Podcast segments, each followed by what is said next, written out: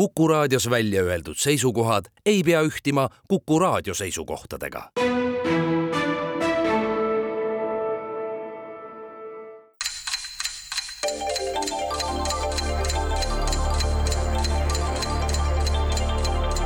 tarkade klubi targemaid küsijaid toetab lisateadmistega Postimehe raamatukirjastus tere taas, Kuku raadio Tarkade klubi tervitab häid kuulajaid Pohlakuu kolmandal laupäeval, mis ajaloos on olnud tähenduslik kõige uue ja väga suure algusele. just sel päeval lähtus Mayflower esimeste uusasunikega pardal Plymouthist uue maailma poole, alustas autohiid General Motors ja avati Metropolitan Opera House märksa argisemad on juba tähelepanekud aga noorteks ja ülbeteks kasvatatud kajakapoegadest, kes on õppinud osavalt roojama, karjuma ja mõnelt naiivsemalt ka näpust lihapirukat või jäätist näppama. tõsi, seda viimast on õues üha raskem teha, sest samblale ja kivile õrna külmetust maaliv ilmataat on valinud oma pinalist juba suurema harjasega pintslid ja pihlapuude viljadki on pigem lindudele joovastavad kui karastavad tarkade klubi osalised keskseda idülli hoiavad pigem juba peakatete all neid häid mõtteid ja tarkusi, mida kuulajate rõõmuks kas jagada või vastu võtta ning täna on saatejuhil taas hea meel, et klassikud on stuudios. ehk Tallinnas Keskkonnainsener ja Eesti Mälumängu Liidu juht Indrek Salis. tervist! ja käsipalli ja mälumängu haljas igiliikur Jevgeni Nurmla. tervist! Tartu stuudios asuvad aga taas vastu heade mõtete linnaülikooli geograafid, kaasprofessorid Feilmanni ja Kreutzwaldi jälgedes Eesti atlase loosse jälgijate Taavi Pae. tere! ja Eesti parimaid Sumatra biokeemia tundjaid Jaan Pärn. tere päevast! hea meel, et te olete taas siin. tänase saate kümme küsimust on laotunud järgmiste teemade alla. kui linna läheme, siis läheme kohvikusse ja muuseumisse. Slava Ukraini, kultuur loodus ja vaaria. küsijad on täna Kivimäe kooli ajaloo ja ühiskonnaõpetuse õpetaja Margus Pillau, raadiokuulajad Jaanis Tali, Hardi Hõlpus ja Valeri Küpsis. alustame ja anname avavaliku õiguse täna Tallinnale, Jevgeni ja Indrek, palun. no eelmine kord kultuurist oli hea lihtne küsimus, esimene, proovime seekord ja küsimus tulebki healt kuulajalt Hardi Hõlpuselt.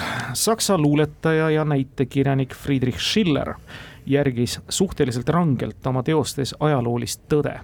erandiks oli aga draama Mary Stewart, kus autor tegi kuningannad Mary ja Elizabethi kakskümmend aastat nooremaks. millisel praktilisel põhjusel, küsib ta samal põhjusel, küll pöördvõrdeliselt võrrelduna, tegi mõned oma igihaljad rollid Eesti Teleteatris Ester Pajusoo ähm,. teleteatris Ester Pajusoo oli ju Kessu ja Tripp, eks ole. no ta mängis la laste etendustes palju. aa, see pöördvõrdeliselt, ei no see see ikkagi mingi seos on, eks ole, et äh, Schiller tegi nad nooremaks. jaa, aga Ester Pausoo vanana mängis lapsi. mis vastust meilt oodatakse miks tegi Schiller kuningannad nooremaks? aga siis võib-olla tõesti oli seotud ikkagi selle näitlejatega asi, mõtle nüüd. et siis, äh, siis nii, nii vana näitlejaid enam vist võib-olla vanal ajal ei olnudki, et, et. et olid no, nooremad näitlejad lihtsalt et äh, tuli lihtsalt äh, noorendada sellepärast, et saaks nooremad näitlejad mängida. õige, see on õige vastus tõepoolest, sest et konkreetne teater, kellele Schiller kirjutas, seal ei olnud piisavalt vanu naisnäitlejaid. Ester Pajusoo vastupidi mängis siis jah, neid lasterolle, seepärast et polnud piisavalt võtta neid, kes lasterolli välja kannaksid. Tallinn läheb üks-null ette ja Tartu saab valida. ja eelmine kord äh, Tallinn astus ilusti sõbralikult meie jalga. jah, teeme kultuuri otsa. sama. me küsime ühte teatud kunstivormi, mis eriti Ameerika Ühendriikides on tuntuks saanud. üheksateistkümnendal sajandil oli üks selle esimesi tuntumaid esindajaid maalikunstnikuna kuulsust kogunud George Caleb Bingham kahekümnendal sajandil teiste hulgas näiteks Howard Brody, Margaret Martin, Walt Stewart, Joe Papin, meie kaasajal Elizabeth Williams ja veel paljud teised, kui kõik need nimed teile midagi ütlevad lisame vihjeks, et nende viljeldaval kunstil alati ka kindlad modellid on tänavusel aastal on ühe konkreetse teemaga seoses lisaks juba mainitud Elizabeth Williamsile veel üks naine, Jane Rosenberg, selles vallas oma suurepäraseid võimeid näidanud. meeskunstnikest samaga seoses Bill Hennessy, kõik need kolm tegid seda Miami linnas. mis kunstivorm see selline on mm.? ei lähe küll kuskilt midagi liikuma. no seda Timo vist isegi vihjas, et kõik need nimed, nimed, kõik need nimed ei tohiks et see oleks imelik, kui nad ütleks midagi need nimed. et selle põhjal, aga, aga üheksateistkümnes sajand, kunstivorm, eks ta kisub sinna nagu alternatiivkunsti poole ju, noh, kasvõi ma ei tea, kas tänavakunst on on kunstivorm. aga mul grafiiti. mul läks mingi mõte äkki noh, et markide kujundamine või mingi selline, aga no muidugi Miami's, et miks see, see Miami ei mängi mingit. ei, Miami jah. Aga oota, kas nagu... kõik olid Ameerikaga seotud need või, või? jaa, nimetatud said Ameerika Ühendriikide kunstnikud, eriti Ameerika Ühendriikides tuntuks saanud kunstivorm. kus on modellid üks asi, mis on küll Miami's, äkki ongi maailma kuulsaim äh, moenädal, et kas ei või mingi kehamaalingud olla? aa, see oleks niisugune omapärane jah mm. -hmm. et, et noh, minul läks jah, et margid või rahad, et keegi teeb mingeid spetsiifilisi, aga noh, need on ikkagi mingid graafilised disainerid, kes sellised, no aga kehamaalijaid on jälle samas ju sadu, ma arvan, et et seda kindlasti, aga lihtsalt kasvõi need äh, rõivad, mis, mis vahetult enne catwalk'ile minekut äh, peale lateksiga tehakse või see oleks nagu Ameerika ja eriti Miami värk. no ma ei tea, proovi vormistada midagi siis. no, no kui kitsalt ma panen? ma panen keha maalimine. ei ole kahjuks õige vastus no Miami. me, me läksime Miami Beach'i peale, aga. seal Miami's on muidugi jah, see Art Deco majad, aga need on juba ammu varem valmis saanud, et, et see oli midagi uut nüüd veel, eks ole. Viimasel ajal see on Miami's. tänavu isegi. tänavu jah. no üheksateistkümnes sajand Bingham, et see, et mis oli tema nagu, oli see pioneer siis nagu või? üks esimesi selle tuntud mm, -hmm. tuntumaid esindajaid mm, -hmm. just. Binghami maale ma olen näinud, aga noh, küsimus ei ole maalides noh, ikkagi mingi... ütleb mõni nimi ei, Pingam, Pingam ütleb küll. Aga sealt maalilt seda jah, seost ei leia, eks ole. jah, ta tegi mingit maaelu maale. aga jah, Miami's on, eks ole, jah, Art Deco, kõrghooned, meri ja rand, et et rannaga äkki seotud midagi, jah? no näiteks liivakujud. liivaskulptuurid, jah. liivaskulptuurid, näiteks ma toon. aga kas see siis on jah, ainult USA-s eriti, aga no, aga aga vot see oli see vihje ka, et on kindlad modellid. siis on midagi muud. Mm, siis on küll jah, siis see, siis see Miami Beach nagu väga ei, ei aita jah. ei aita jah, kindlad modellid, oota, mille jaoks on vaja kindlaid modelle? no vot, ega, ega nüüd ei tea, mingid topised või midagi selles mõttes, et kuidagi sealt aretada, et kunstivorm, nojah. et, et, et, et nii-öelda mingi looma siis väärid pärast üle ka veel ja kuigi jah, modell, see tähendab võib-olla ikkagi seda, et äh, ei ole nagu, teda ennast ei kasutata sinna nagu füüsiliselt ära, aga et on lihtsalt eeskujuks. topiseid tehti ju ikka tükk maad varem ja ja noh, need mingisugused sellised suured, äh, suuremõõtmelised maalid ja pannood, et noh, et seal ei pruugi ka olla alati ju kindlaid modelle, et ei ole jah. ja aga et, et just nüüd USA-s on nagu väga levinud, et ja miks seda Miami't rõhutatakse? Päris nõutuks teeb, jah teeb, teeb, kas on ikkagi midagi loodusega seotud ikka või? no just see, see kindlad modellid jah, et muidu oleks vastanud liivaskulptuurid ilusti ära, aga, aga nüüd siin no võib-olla, või siis mingisugused noh, maskid, eks ole mm. -hmm. et siis sa pead kellegi mingi maski võtma ja, ja tegema, et kellegi näo järgi, inimese näo järgi no midagigi vähemalt. see on päris hea pakkumine, ei ole see ka õige vastus. midagi väga ameerikalikku, need on kohtusaalides toimuvate istungite skitseeringud, see kunstivorm. kuna fotode ülesvõtmine seal ei ole sageli lubatud, kesksel kohal kindlad modellid on siis tõesti kahtlustatavad või süüdistatavad. käesoleva aasta kohta käinud vihje osutus Donald Trumpi kohtuasjadele. Trumpi sekeldused õiguskaitseorganitega leidsid hiljuti teatavasti samuti fotokunsti valdkonnas ilmeka väljenduse kultuur sai selline ja nüüd järgi jäänud nelja teema hulgast Jevgeni Indrek. mis need kohvikud seal võiks tähendada? muuseumid ja kohvikud. muuseumid ja kohvikud, see on hea valik ja siin on nüüd kummalegi poolele üks täpselt sobiv küsimus, ehk siis me räägime nüüd teile suunatud küsimusest, mis on. veel mõned kuud on Tallinna Linnamuuseumis avatud nüüdseks juba päris pikalt üleval olnud köitva sisuga näitus Linnaloom käsitleb see paljusid fauna esindajaid ja nende rolli Tallinna ajaloos. aga näituse pealkirjas on nimetatud nendest kolm muuhulgas alliteratsiooni efektile panustades. millised kolm looma? rangelt võttes on loomad nendest ainult kaks. tavateadvuses on loomaks arvestatud koguni ehk ainult üks. ühte küsitavatest võime laudas ja karjamaal kohata. teine on aga teatud väga pisike ja tülikas tegelane. kolmas aga eelkõige lasteraamatute lehekülgedel tuttav. kaks õiget, pool punkti.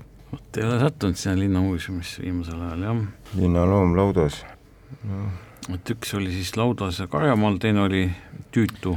tüütu pisike, kolmas aga eelkõige lasteraamatute lehekülgedelt tuttav.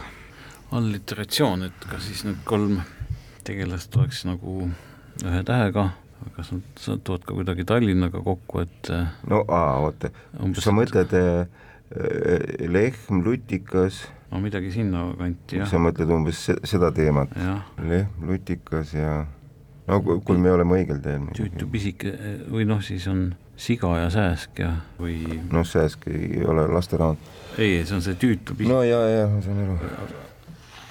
või keda me seal Laudese karjamaal veel peame, no siga ei ole ju karjamaal eriti. lehmad söövad karjamaal ikkagi jah. lasteraamatutes, kas see siis tähendab, et see ei olegi nagu päris või? et rangelt võttes kaks looma, tavateadustes on üks, eks ole no jah, üks oleks siis nagu lehm, on ju. no Jah. sellest loetelust. kes need seal siis lasteraamatutes on ikka ju tavaloomad tavaliselt, et äh, lisaks veel unemati ja, ja sellised tegelased, või siis mingi muinasjutu tegelane, aga no ikkagi Tallinnaga seonduvad No no jaa, peavad on olema ka, et nagu- nad päris nii jah, niisugused äh, sest lehmi karjatati küll seal ju Lillekülas ja kus seal tol ajal, igal pool. kui me läheme selle L-tähe peale nüüd, no vot, ega midagi praegu kohe ei tule mingit L-tähega lasteraamatu tegelast. kolmanda kohta me siis rohkemat ei saanud teada, et lihtsalt, et see on lasteraamatutest Lasteraamatutest. eel- Eelkõige lasteraamat. Jah. linnalooming no le, on see, lepatriinu, aga no no see on ikkagi looduses. no aga ta ikkagi on fauna esindaja, et selles mõttes, et, et, et, ei, seda küll, et ta ei, ta ei aga ole ka mingi väljamõeldud äh, olend või asi, et, et see kolmas, eks ole, et kuigi lihtsalt jah, miskipärast on et ta võimendatud jah, lasteraamatutes. väga, väga nagu levinud seal lasteraamatutes. kui ta on fauna esindaja juba öeldud, eks ole, siis ta, siis ta peab ikkagi olema mingi elus olend. lilliputte ei ole. Neid on ka mujalt kui lasteraamatutest, jah. no vot, see on kõik need Jah. liblikad ja lepatriinud ja need on kõik, aga ta peab olema niisugune nagu teistmoodi siis. No hea küll, ütle midagi tarka. no ütleme siis jah, et lehmad, lutikad ja lepatriinud. pool punkti ja palun Tartu lehm, lutikas ja lepatriinu annab pool punkti. kaks õiget annab pool punkti. õige, kaks õiget. minul oli lehm ja lutikas lehm ka kohe, ma arvan kirjas. ka, et on, aga mulle millegipärast oli tunne, et, et seal oli see lepatriinu, kui tuli ja see, et see on õige. Et lehm ja lepatriin on õige. mul on see tunne jah.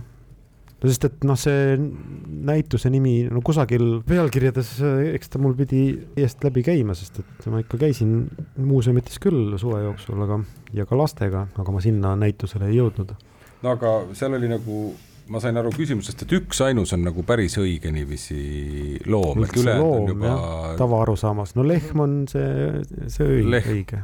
Seal ei ole vaieldav, ütleme, et nimeta lo loom ja kindlasti tuleb. ma mõtlesin korra, et niisugune ilus kala on nagu silk, mis tegelikult ei ole ju niisugust äh, liigina sellist nime ei ole, aga nüüd me jääme sellesse L-i kinni ikkagi või? no alliteratsioon vist, mis see täpselt tähendab, ma praegu ei, see peakski vist pane. algriim ei ole või? kui sa nii ütled.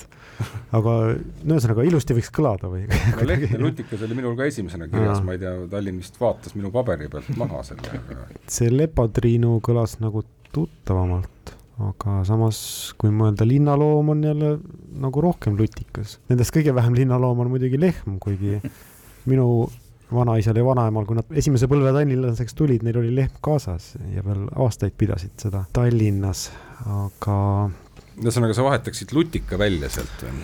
millegipärast see lepatriinu tuli mulle kuidagi tuttavam ette, aga lutikas on ka nii loogiline, nii et ma ei ole endas kas sellist kindel. looma ei ole nagu lepatriinu või selles mõttes, On. et mängitakse välja aga ta ei ole, noh, ta noh, suur mingi Mhm. hulk erinevaid lepatriinusid, et ei, tegelikult ikka on lepatriinu loom. ta oli vist li- lihtsalt see, et ta, ta on lasteraamatutest tu- tuttav. aga siis see keskmine peaks olema üldse mingi no see peaks olema ka mingi jah, ma jäin korra mõtlema, noh, et on ka mingi sellised, noh, ma ei tea, mutukas või noh, mingi selline, mis ei ole nagu, tegelikult ma ei tea. vastame, aga Timo selle eest ei anna punkti, et me kui me nüüd, täpselt sama vastame. ei, et, et mil-, et me väli, ütleme, milline neist vale oli, noh, et, et, et me Jah, ju tuleme selle peale. öelge oma kolmik. ja siis vaatame. kui me ütleme sama, siis kui me ütleme sama, saame ka pool punkti. meie kolmik on lehm, lutikas ja lepatriin. okei, ega ikkagi midagi sinna vahele, kui on lehm ja lepatriinu, lehm, luik ja lepatriinu. oleme vähemalt originaalsed. jah, paneme siis lehm, luik ja lepatriin. originaalsus ei too seekord punkti ja poolt ka mitte. lehm lutikas oli ta õige, kolmas oli lohe, lasteraamatutest tuttav No jälle see lehm draakon lutik ja ikka draakon lohe, teid. lohega alt jälle. nõnda on.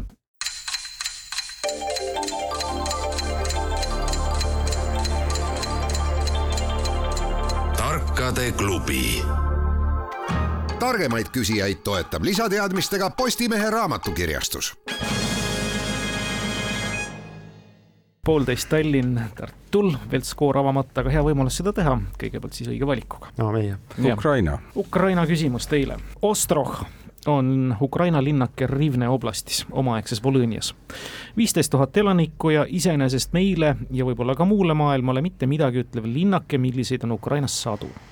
Ometi on Ostroh läinud millegi väga põhimõttelise ja suurega mitte ainult ukrainlaste, vaid tänaseks nii umbes kahesaja miljoni inimese jaoks ajalukku see miski, mida me küsime, sündis Ivan Fedorovi eestvõttel aastal tuhat viissada kaheksakümmend üks ehk siis sel ajal, kui Ostroh kuulus Leedu-Poola kuningriigi koosseisu. mille ajaloolise kohta me küsime? Eestis, kui otsida analoogia, leidis see aset aastal tuhat seitsesada kolmkümmend üheksa. ossa nüüd saime. Keskmisest paremini Estikat võib-olla tead, teadjana ei suuda mulle tuhat seitsesada kolmkümmend üheksa kohe midagi, et mis siis meil oli väga vaikne aeg Eestis, väga ei toimunud midagi. põhjasõda oli läbi läbi, taastuti sellest. aga mingis kakssada miljonit inimest, ja keda on kakssada miljonit? palju ukrainlasi ja venelasi kokku on? no umbes kakssada miljonit. tuhat viissada kaheksakümmend üks.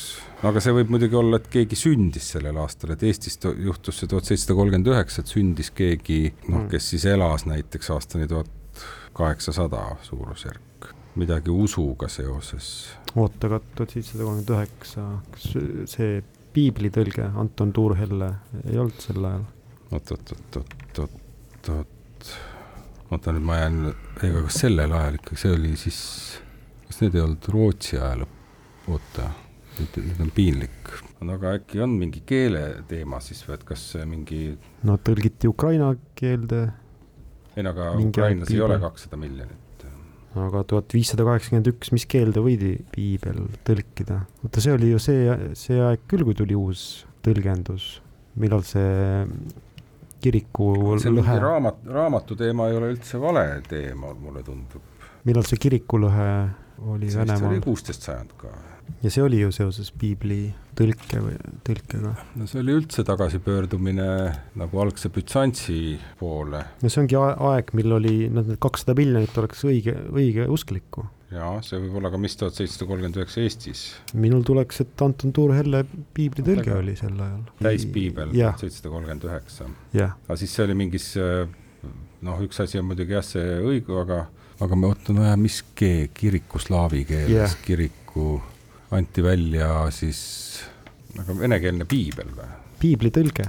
õige, kaua vingerdasite ja välja tuletasite. Ostrohi kuulus piibel ja idaslaavi keelde, kui nüüd täpne olla ja seda kõneleb täna tõesti umbkaudu kakssada No. miljonit inimest. Ivan Fjodorov oli Vene esimene trükkal. Just nii, ohoh, Vanavene esimene trükkal ja tänase Leedu-Poola Vene. Gutenberg. Vene Gutenberg, täpselt. Tartu saab punkti kätte ja väga õige on tuhat seitsesada kolmkümmend üheksa Anton Torhel eestvõttel kokkuleppeliselt tõlgiti esimene eestikeelne piibel põhja-eesti keelde, nagu on rõhutatud. poolteist Tallinn, Tartu üks, väga tasavägises seisus peale nelja küsimust. Jevgeni Indrek. Indrek valib. ma jätkaks Ukrainaga siis. Tuhande üheksasaja viiekümnendal aastal lasti Kiievis käiku midagi, mida kaks aastat ette valmistatud oli ja nimeks oli sellel ukrainakeelse lühendiga tähistatult M E O M, MEOM või siis venekeelse lühendiga M E S M see oli esimene omataoline Nõukogude Liidus ja üks esimesi Mandri-Euroopas, millest käib jutt, oli üheksa aastat kasutusel. ainult üheksa aastat, jah mm. -hmm. siis hmm, pole oma silmaga õnnestunud seda näha. nii vanad me ka ei ole. jah, O ja S on siis erinevad selles lühendis. ja üks esimesi Mandri-Euroopas. Mandri-Euroopas järelikult ähm, Briti saartel võiks seda selliseid asju ollagi enne. aga vot see on nüüd huvitav, et ainult ähm, kaks aastat valmistati ette ja siis üheksa aastat tuli ainult käigus ja esimesed mõtted viivad kuidagi sinna metroo juurde, aga, aga, aga edasi, et, et metroo oli seal ju palju varem, eks ole. Ja kahe aastaga ei ehita metrood. jah, ja aga et lasti käiku, see peab olema ikkagi mingi agregaat või, või liikur või jah, mis nagu töötas, eks ole, jah. ja Mandri-Euroopas no aga äkki ikkagi oli selline nii-öelda metroo moodi asi. või ei, no nii-öelda liikuv trepp, mitte, mitte No trepp, eks ju, mitte- eskalaator, vaid, vaid no selline horisontaalne eskalaator, ehk siis äh, millegipärast äh, võis seda vaja, vaja olla, eks ole, aga pärast selgus, et pole vist ikka väga mõtet, et jah, igasugused ähm, et võib-olla metrooga ta seotud olid ühest jaamast teise seal kuidagi või noh, ühelt liinilt teisele, siis saaksid sõita liikuva trepiga, liikuva, liiku-, no jah, nii-öelda liik-, liikuva teega, et liikuva teega. et neid lühendeid on siin küll päris keeruline. E on e- elekt-, elekter, elektriline aa, električne. mašina. ja S on siis vaja ainult. S on vene keeles ja, ja, ja O on siis ukraina keeles, et mm. ei no aga elektriasjad olid ikka ju varem. Ei no muidugi, jah. ma mõtlen selles mõttes on ju. et Mandri-Euroopas oli üks esimesi, aga aga jah, seal siis saartel oli seda siis juba ennegi kohatud, aga elektrit ikkagi kasutati juba vist varem seal metroodes on ju. ei kindlasti jah, jah. ja ainult üheksa aastat kasutusel, et see peab olema siis, kas ta siis iganes või, või lihtsalt leiti muu lahendus. no mingisugused ähm, köisraudteed üle, üle Dnepri jõe, see nagu ei ole ka midagi väga erilist, et selles mõttes, et äh, no aga ma ei tea, võib-olla ikkagi nojah, pakuks selle, selle nii-öelda tänapäeval lennujaamades nii sageli kasutatud iseliikuva tee. Ei ole see kahjuks õige vastus.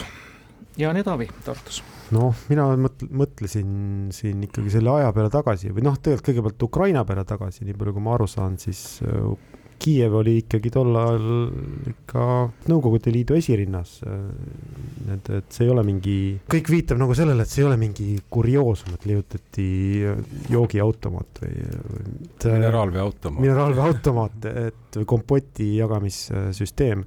Et äh, asi, millega noh, siis nelikümmend kaheksa alustati, viiskümmend äh, läks käiku, et millega maailm äh, tegelikult vähemalt tagasi vaadates kõige olulisem asi, millega maailm tol hetkel tegeles. no siis see lühend võiks olla vene keeles näiteks mašina elektronitšeskoi samastojatelnõi mõšlenja ehk mina pakun, et see võiks olla arvuti õige ja Mhm. tuletasite selle välja, see oli esimene programmeeritav elektrooniline arvuti.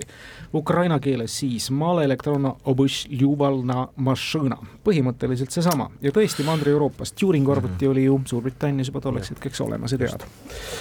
poole mängu peal Tartu rivib ennast napilt kaks poolteist ette, nii et on oodata tasavägist mängu teist poolt.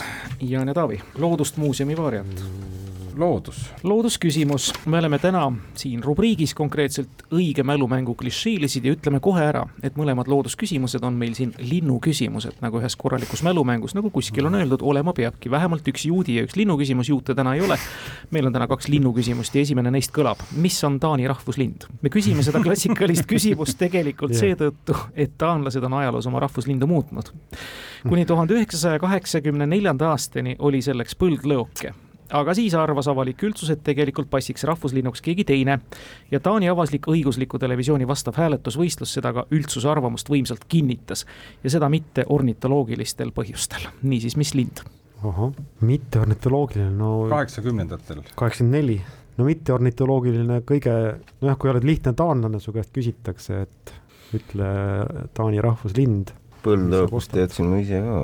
aga see oli vale vastus. aga mis nad, ei, aga mis neil siis häda oli ikkagi, et ja mis neil lõhkese vastu vastu oli? oli nagu, et Ma tahaks ka teada. mis pähe tuleb, on ju, et midagi lipuga, aga mis lipp on nagu punane ja valge ristiga? ei no me teame, kust see pärineb, aga no see on Eestist jah, aga omaette küsimus, mina ei ole Taanis äh, mujal käinud kui Kopenhaageni lennujaamas, et kui kõvasti esil see Taani lipulugu äh, ja Eesti äh, ei, ei see aga- väidetavalt on kooliprogrammis, et seda nad muud, muust Eestist ei tea, aga teavad Okei. kõik lapsed äh, ema piimaga, et, et see lipp on sealt. aga tagasi linnu juurde. tagasi linnu juurde, et miks kaheksakümmend neli ja oota, Timo andis mingi imeliku vihje, et see ei ole orni-, ei ole ornitoloogiline, ma ornitoloogiline põhjus. Kui oleks li, lind, mis näeb välja, et on, on erkpunane ja, ja valge rist on peal, noh, see oleks üks põhjus näiteks, et kõik tegelikult mõtlevad, et vot see on õige Taani hea küll, ma täpsustan, lind. vabandust, seda mitte ornitoloogilisel, vaid kultuuriloolisel kaalutlustel.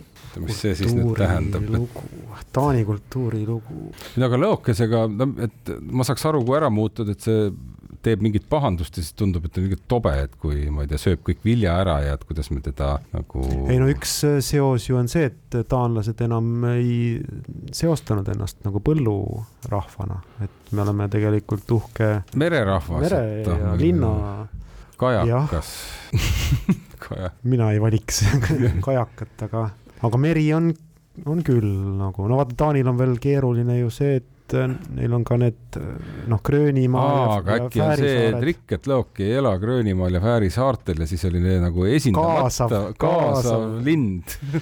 ohoh, aga see teeb ikka keeruliseks, et ja need linnud, kes elavad Gröönimaal ja Fääri saartel, need ei ela Taani, no Kopenhaagenis kindlasti mitte.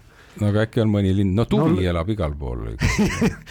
no aga no ei valinud mitte, mitte see Riigikogu, vaid, või see parlament, vaid ikka rahvas pani ikka nii nagu südamest see tuli peab. olema populistlik siis ka natukene ikkagi ju, see ei saa olla mingi mm Mhm, -hmm. mhm. väga tundmatu lind siis. oi-oi-oi, aga mõni, mõni. aga mõni hani lendab ju, kes hani jah, aga see, kui mõelda Anderseni muinasjuttudele, äkki mõni Pöial-Liisis oli, lõpuks sai, Pöial-Liisi päästis seal suitsupääsukese või pääsukese. aga pääsuke on tõesti jah, ja No. see Andersen on neile väga tähtis küll see. jah, jah, on ta suitsupääsuk, äkki on lihtsalt äh, harilik. harilik pääsuk. ma ei ole kindel, ta on piltidel Eesti, Eesti, Siimas Kopp joonistas äh, suitsupääsukese, aga võib-olla ta lihtsalt äh, ei, suitsupääsuke on selles mõttes äh, küll, et seda on hästi palju, et Taanis kindlasti on äh, suitsupääsukest, aga see ei tähenda, et turvalisem oleks pakkuda pääsuke praegu siin. jah, äkki ongi niisugune, et, et, et Eestiga sarnane, no muidugi jah, see on ju seos ilmne. no aga pakume pääsuke. ei ole kahjuks pääsuke, nii vahva arutelu, ma arvan, et teie ai. ornitoloogid on kindlasti rahul. aga palun, no Jevgeni me kaldusime ka Ei- ikkagi Anderseni ei radadele. pääse temast üle ega ümber jah. ilmselt kui kultuurilooliselt, et nüüd peab lihtsalt õige linnu valima, ma arvan, et öö, no siin on variant, et kui inetust pardipojas sai luik, et siis nagu võiks luik olla, aga siis on meil ju see ööbikuga ka seoses mingi muinasjutt. kas see on Anderseni ööbik oma?, ööbiku muinasjutt jah, aga pigem ikkagi see on see pardipoja ja et luige inetust värk, eks ole, pardipojas sai luik, et, et aga kumb ta siis nüüd on selles mõttes, et tegelikult no mäletan, rahvuslinnuks inetu pardipoeg on väga valus, ma ütleks. ma mäletan, et kunagi oli siin mingi taanlaste osalusel noortekohvik, mille nimi oli Ugly Duckling, oli Tallinna Sadama Mm. rajoonis, eks ole, et selle kohviku nimeks nad panid küll Inetu pardipoeg, eks ole, aga ikkagi ilusam oleks ikkagi see luik panna omale nimeks. kõik õige, see on Kühm-Nokk Luik ehk Hans Christian Anderseni inetu pardipoeg, mille taanlased valisid siis tõesti, arvasid, et see on märksa targem valida endale rahvuslinnuks ja nõnda saigi. aga Tartu te olite väga õigel rajal. Te valite, Jevgeni Indrek. kaks pool kaks olete ees noh, võtame loodus veel või? ja nagu öeldud, aastalinnud on tõesti mälumängudes väga erinevate rakursside all ikka jälle küsitud Ai. olnud. aga me kordame siinkohal üle, et tänavu on Eestis siis selleks aul, mullu oli metskurvits ja tunamullu kuldnokk. aga kahe tuhande kahekümne esimesel aastal sai Uus-Meremaa aastalinnuks liik ladinakeelse taksonoomilise nimetusega Mystatsina tuberculata, maori keeles peka-peka. kuidas me teda eesti keeles kutsume või mille poolest kõnealune nominatsioon oli tegelikult ebaharilik? aastalind, aastalind. jah, muidu vist Uus-Meremaa see rahvuslind on kiivi, kiivi ilmselt, ja, ja aga mi-, mispärast äh, oli see nominatsioon ebaharilik? ebaharilik jah, kaks tuhat kakskümmend üks, mis on seotud Uus-Meremaaga ja aasta, no kui tal on ikkagi maoorikeelne nimi ka olemas, et siis ta nagu peaks ikka kohaliku päritoluga lind ka olema, et, et see ei saa olla ebaharilik, et, et seal, sealkandis teda üldse ei pesitsegi, eks ole. ei no maorikeelseid nimesid on ilmselt paljudel teistel asjadel ka. No jah. noh, äkki siis on jälle mingi selline, selline lugu, et nagu ei olegi päris lind või, või kuidagi nii, et aa, mis see ladinakeelne nimi oli? Mystatsina tuberculata. just, et siin, kuule, aga see ei olegi, see ei see on nagu olegi päris lind, aga kuidas see sõnastus täpselt oli, oota kuulaks veel kuidas me teda eesti keeles kutsume või mille poolest kõnealune nominatsioon tegelikult ebaharilik oli? aga kõlab nagu mingi meditsiinitermin. no ebaharilik oli ta ilmselt see, et ta ei olnud aga, lind. aga öeldi, et linnuks, eks ole, aga, aga jah, kui nii üldise vastuse, vastuse öelda jah, siis, siis küll jah, et, et äkki ta siis ei olnudki päris lind nagu. Kas Tartu tahab täiendada kas meil on valikut? mm? -hmm. oi-oi-oi, käisin Uus-Meremaal ja eks seal oli igasuguseid toredaid äh, lindusid, aga, aga ma usun, et, et see tõesti kõige esi-, esmasem asi, miks on valik imelik, on see, et ta ei ole siis lind, aga neid asju, mis võivad lennata, aga millel on ladinakeelne nimi, neid on ju nagu palju mis. see tuberkuloos nagu, tuberkuloosi kepike mulle tuli ka pähe, et need on. aga mis see tähendab, see no ta tuber-? on, mis Äkki ongi- mikroob ta on, igatahes ta on, ongi kepikese kujuga, et noh, muidu oleks see nagu noh, vastusena nagu väga hästi lendaks, aga kui mõelda lihtsalt, et tõesti nendest viirustest või nakkushaigustest äh, kaks tuhat kakskümmend üks nagu, miks just tuberkuloos keegi, keegi peaks, noh, väga no, vaimukas koroonaga seda ei koroonaga seda ei saa seostada vist ikkagi. mis aastal see koroona algas üldse, mäletab keegi? kaks tuhat kakskümmend ega me ei ütle ette teile. tundub, et muidugi vist see oleks vale tee, ma korra mõtlesin, et äkki välja surnud lind nagu noh, et, et mm. -hmm. et noh, ebaharilik, et sa kuulutad aasta linnuks äh, linnu, mida tegelikult äh, no enam ei ela seal jah, jah, mida on äh, Uus-Meremaa muidugi palju, aga noh, kõige tuntum on Moa, aga aga Moa on nagu natuke ka rahvus. vist ikkagi oli, see oli ka, ka nende no, oma nimi ikkagi Moa või kust sellisele linnule, mida mujal ei ela, kust sa ikka nime võtad, paljudel lindudel seal ei olnudki muud äh, nime kui see päris, ma ei tea, maoorikeelne nimi. aga no ma saan natuke aru, et tegelikult Tallinn oli nagu peaaegu nagu noh, liikumas punktile, aga ta, et noh, et see no kui me täpsustame, et, et see on üks, üks siis saate pool ja meie saame pool, noh. Tallinn ma vist ja ütlen midagi teab juba, on, et et see on hoopis üks, üks äh, äh, mikrobioloogiline nakkushaigus. ei saa poolt, ei saa poolt selle peale. tegelikult see küsimus üks aasta jagu päevi tagasi siin kõlas vähe teises sõnastuses küll. Ja ma mõtlesin, et teid vist siin mängus toona ei olnud, et meenutaks selle küsimuse sisu ja nii-öelda idu. tegemist tõepoolest ei olnud linnuga, vaid Uus-Meremaa nahkhiirega, kes aasta linnuks valiti. nahkhiired on ju imetajad, mitte linnud, aasta linnuks tõstmisega juhiti antud ohustatud liigi probleemidele tähelepanu, suuresti kattuvad vastavad probleemid ka lindude omadega. nii et ikkagi Tallinn saab pool, see vastus tuli ära, et tegemist ei olnud tegelikult jah, linnuga.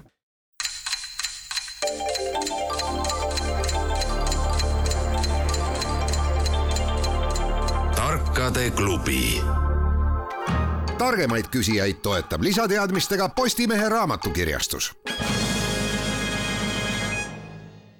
kolm Tallinn, kaks Tartu, nii et tasavägiselt jätkame. meil on nüüd üks kohviku küsimus ja kaks vaariat no teeme Kohvik. siis kohvikud lõpuni. ja saate siis nüüd Tartu muuseumi küsimuse.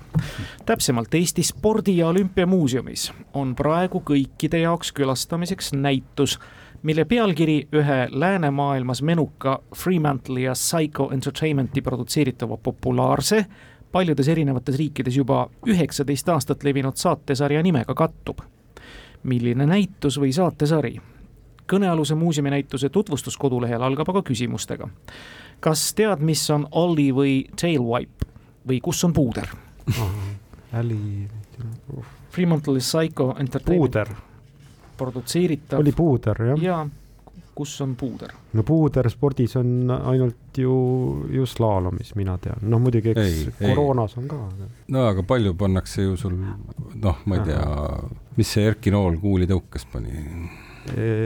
jah, talki või no krii-, tegelikult kriidipulbrit, seda vist ei kutsuta puudriks. ei, aga mis see, ma saan aru, et üks asi on see, et on mingi saade, mingi produtseeritav top, populaarne paljudes Mingi riikides top- üheksateist aastat levinud saatesari mis asi on Top Ge-, Ge-, Gear või mingi Ja, ja, ja. ja ma kordan üle ka need küsimused, millega muuseumi näitust tutvustatakse. kas tead, mis on Olli või Tail Whip? Tail whip, no see on nagu sa-, sabaga löömine, sabalöök. nagu puuder ja Top Gear. ega mis asi Top Gear on? Top Gear on, on autosaade. no ralli oleks muidugi, Eesti on rallirahvas ja praegu jah, aga noh, mingi sabaga võib vormelis küll teha midagi ju, seal on vormelitel on sabad, võib-olla on isegi rallis mingi mõi-, mõiste, aga puuder. aga see top gear võib olla mingi üheksateist aastat, aeg-ajalt kuskilt kanal. tegelikult üheksateist aastat on ikka päris fenomenaalne, neid ei saa palju olla ja üheksateist, tähendab, nii vana on top gear küll, jah. no aga vastame selle siis või mida küsiti või? küsimegi, mis on näituse pealkiri. näituse, näituse nime, jah, paneme top gear ei ole kahjuks õige vastus. ma mõtlesin, et ei olegi. ei ole. oota, aga Älli on tuttav asi. Olli. Või Olli või? kirjutatakse Olli. Olli või? no siis on äh,, Olli on äh, rulas üks trikke. kas rulas on ka siis puudrit vaja, eks ole või? no ma ei tea, Olli, Olli on minu meelest see mingi hüpe on rula, rulas no,. siis see tail whip sobiks ka sinna punti jah, aga saatesarja meilt küsitakse hoopis. ei, meil küsitakse spordimuuseumi pealkirja no.. näituse pealkirja no aga kas pealkiri saab lihtsalt rula olla või mingisugune, vaata, mis on X Games ja, ja nii edasi, eks ole, või saatesari kui niisugune? jah, saatesari kannab sama nime. tähendab, ma ütlen, see oli, see on üks tuntumaid hüppeid rulas, kui ma praegu õigesti kuulsin. küsimus oli, et, et kus on Olli või kes on Olli või mis e, on see Olli? kõnealuse muuseumi näituse tutvustus. noh, tutvustuses on see. sõnadega, jah no see, see ongi ja, no, aga, aga mis selle Olli kohta öeldi, kas mis, kus, kes? kas sa tead, mis on Olli? ei, ei, no see on, ma ütlen, see, see on üks tuntumaid hüppeid rulaga. nojah, see mingi Extreme või mingi selline asi, et saatesarjana, eks ole. nojah, et näitusnimi ei saa rula olla, see on ka selge, et X-faktor ei tule ka ju kuidagi. mis need, eks ole, need võistlused on ju need ähm, noh, X-mängud, eks ole, Tallinnas on ju ka see Simple Session, eks ole, kus igasugused ja, ja noh, seal on jalgrattad ja rulad ja mm. -hmm. saate lõpp läheneb, ma annan teile punkti ära. X-Factor kõlas ära, see on X-Factor ekstreemspordialane väljapanek lauluvõistlus The X-Factor seda, mis on siis Olli või Tail Whip, Olli kohta me juba kuulsime seletust, või kus on puuder, me teda, me teile siinkohal siiski ei ütle, saate muuseumist ise järgi uurida. Vaaria jääb tänast mängu lõpetama, Tallinnal on punkte neli, Tartul kaks, jällegi viik on õhus, vähemalt, aga loomulikult ka Tallinna revanš eelmise laupäeva eest. esimene Vaaria küsimus teile. Jaanis Tali, hea kuulaja, küsib juba keskajal keelati Tallinnas linnamüürist seespool asuval linna territooriumil puitmajade ehitamine. kas ja kuivõrd sellest keelust kinni peeti, on iseasi. aga kaheksateistkümnenda sajandi alguses keelati hoopis kivimajade ehitamine Tallinnas ja millisel põhjusel mm.? ega meie ei pea vastama. Teie peate vastama see on küll huvitav lugu nüüd jah. noh, kaheksateistkümnenda sajandi alguses oli veel Rootsi aeg võib-olla või oli siis juba hakkas Vene aeg tuhat seitsesada kümme. tähendab Tallinna sees kivimajade ehitamine või kuidas see? jah, keelati Tallinna sees kivimajade ehitamine. noh, et nagu mingi loogika, et kui siin just see Põhjasõda käis, eks ole, et siis et nad ei ole et siis oleks nagu lihtsam, lihtsam seda linna siin jah, põlema panna või ei no aga, aga jah ki, kivimajade ehitamine keelati ära. no just, et järelikult pidi ehitama puitmaju. nii. või siis oligi see, et see kivimajad, ähm, materjal läks kõik kuhugi kindlusehitisteks, aga no samas, et need olid juba enne tehtud, kõik need Skåne bast-, bastionid ja rootslaste poolt, et, et siis oli juba no mõeldud on neid tavamaju ilmselt. juba kõik. mitte kindluse müüri. nojah, ma mõtlengi, et kas, kas seal peaks olema seos selle, selle militaar militaari ka ehitusega et üldse militaarasjaga seotud, nendest ei saaks kindlusi nojah, vaenlasele. ei noh, selles mõttes, et riigi vastu. ei no vaevalt, et siin nüüd siseriiklikult tuli, aga kui ta läks nüüd jah, ühelt poolt teise, teise kätte, et siis äh, vot seda me ei tea, et kaua see keeld kehtis, eks ole, seda pole siin öeldud. ei ole. no aga võib-olla ikkagi selline üldine selline vastus, et, et, et seda kivi, kivi oli vaja nagu jah, pigem nii-öelda sõjaliseks otstarbeks kasutada ja ei antud siis elumajade jaoks seda kasutada. Tartu, tahate midagi lisada, täpsustada? no mina pakun, et äh, see läks kõik Peterburi. täpne vastus, Peterburi ehitamiseks läks kogu kivimaterjal vajaks ja see oli nõndaviisi, Tartu saab siit täispunkti kolm ja Tallinnale oleks andnud punkti siis, kui Tartu poleks Peterburi pakkunud. ütleme siis nii, nii et Tallinn jääb praegu nelja peale, see viik on jätkuvalt meil õhus ja Tartu viimane küsimus. Skandinaavia mütoloogias oli olend nimega Niels Gardvoo, kes sarnanes ühe tänapäeval tuntud olendiga, kuid erinevalt Niels Gardvoost on tänapäeva tuntud olendil teistsugune kuulsus. mis olend siis või kes oli Niels Gardvoo?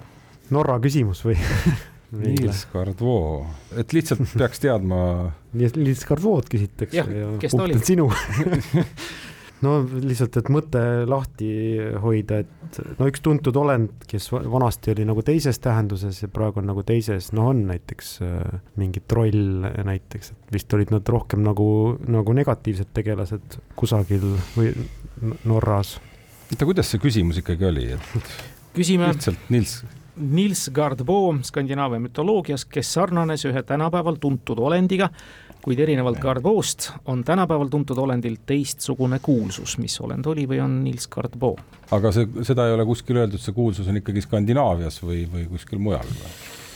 Eestis? jah, seda ei ole kuskil öeldud.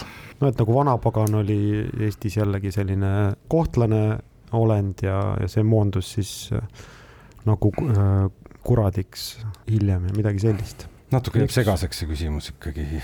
Troll või, troll, no trollid vast olid, no trollidel ei olnud nagu nimesid jah ja., oli nagu võib-olla oli mõni ülem troll, aga, aga nagu nimega trolli ei. aga Skandinaavia mütoloogia, kes noh, seal on, kindlasti olid seal ka mingi, ma ei tea, äikese no Thor oli Eikese jumal jah, ja et nende suurte noh, jah, jumalate ja kangelaste seas kõik see, teda ikka ei olnud. Just Loki ja mõndasid suuri oleks nagu kuulnud, aga ei ole kuulnud, aga pigem mõtleme siis äh, nagu hakkame siis siitpoolt otsast, et mingi tänapäeva olend, kes on meil tä- tänapäevane olend, keda, kes on igapäevaelus, no ma ei tea, kas tänapäeva elus äh, on kurat näiteks olemas või? aga, aga mulle tunduks, et see on ikka Skandinaavia küsimus natukene, et Ik, ikka jah, aga et ta Eestis nagu ei, ei olegi nagu analoogi. pigem võiks midagi universaalset ikkagi olla, et muidu ju mingi väga kohalik äh, asi, siis ei oleks mõtet küsida ju, siin saates vähemalt. ei no ta võib olla muidugi ka üle-euroopaliselt nagu teada nagu mm, Mhm. -hmm. et äh, nojah, ütleme, et üle-euroopaline tegelane, trükivea kurat, enam ei ole sellist tegelast. no ma ei tea jah, ütle sina midagi, mul on hea öelda. ma pakun, et see on äh, mingisugune kurat. Ei ole kahjuks õige vastus, Tartu lõpetab kolme punkti peale, aga väga vahva lahing üle teile pakkunud tallinlastele ja tallinlased ei no et olend. no olend jah, et ta, ta oli konkreetne nimi nagu mehe nimi, eks ole, Nils. et Nagu nüüd- jõulu, jõuluvana moodi. no äkki on, et ke- siis ta oli kuri ja paha ja nüüd on niisugune sõbralik, toob kingitusi. äkki siis see jah. jõuluvana siis. Peaaegu. mõistes. peaaegu, tänases mõistes, tänases mõistes ikkagi päkapikk oleks olnud õige vastus. niisiis, päkapikk Nils ja. päkapikk Nils täpselt ja Tallinn on saanud siis tõesti revanši vahva Tartu vastu, et te olete teineteisi väga hästi väärinud selle kahe nädala vältel. tänase mängu lõpetuseks tõdegem siis jällegi ja hinnakem midagi teistest parimaks küsimustest.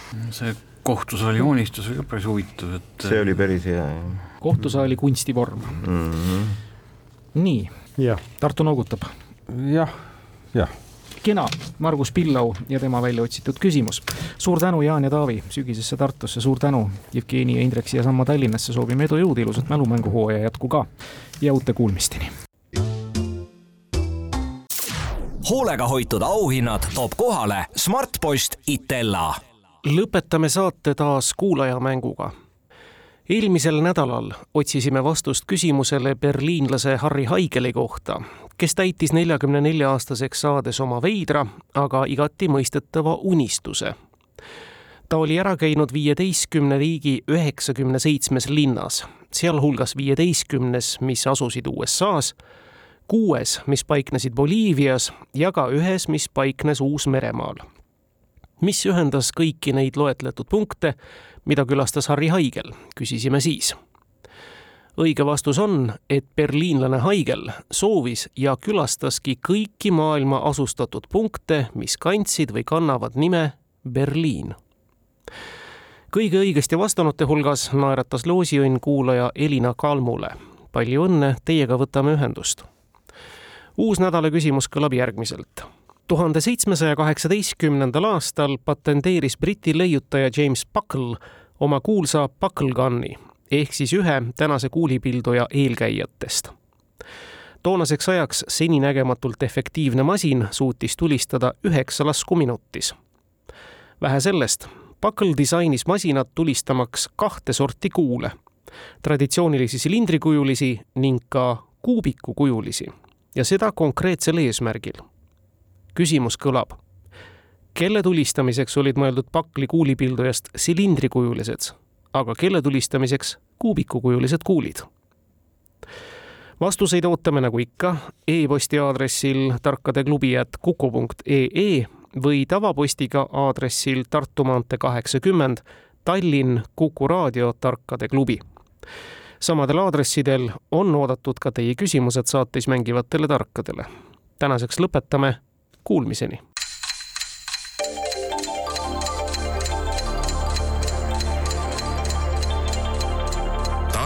Tarkade klubi. Targemaid küsijaid toetab lisateadmistega Postimehe raamatukirjastus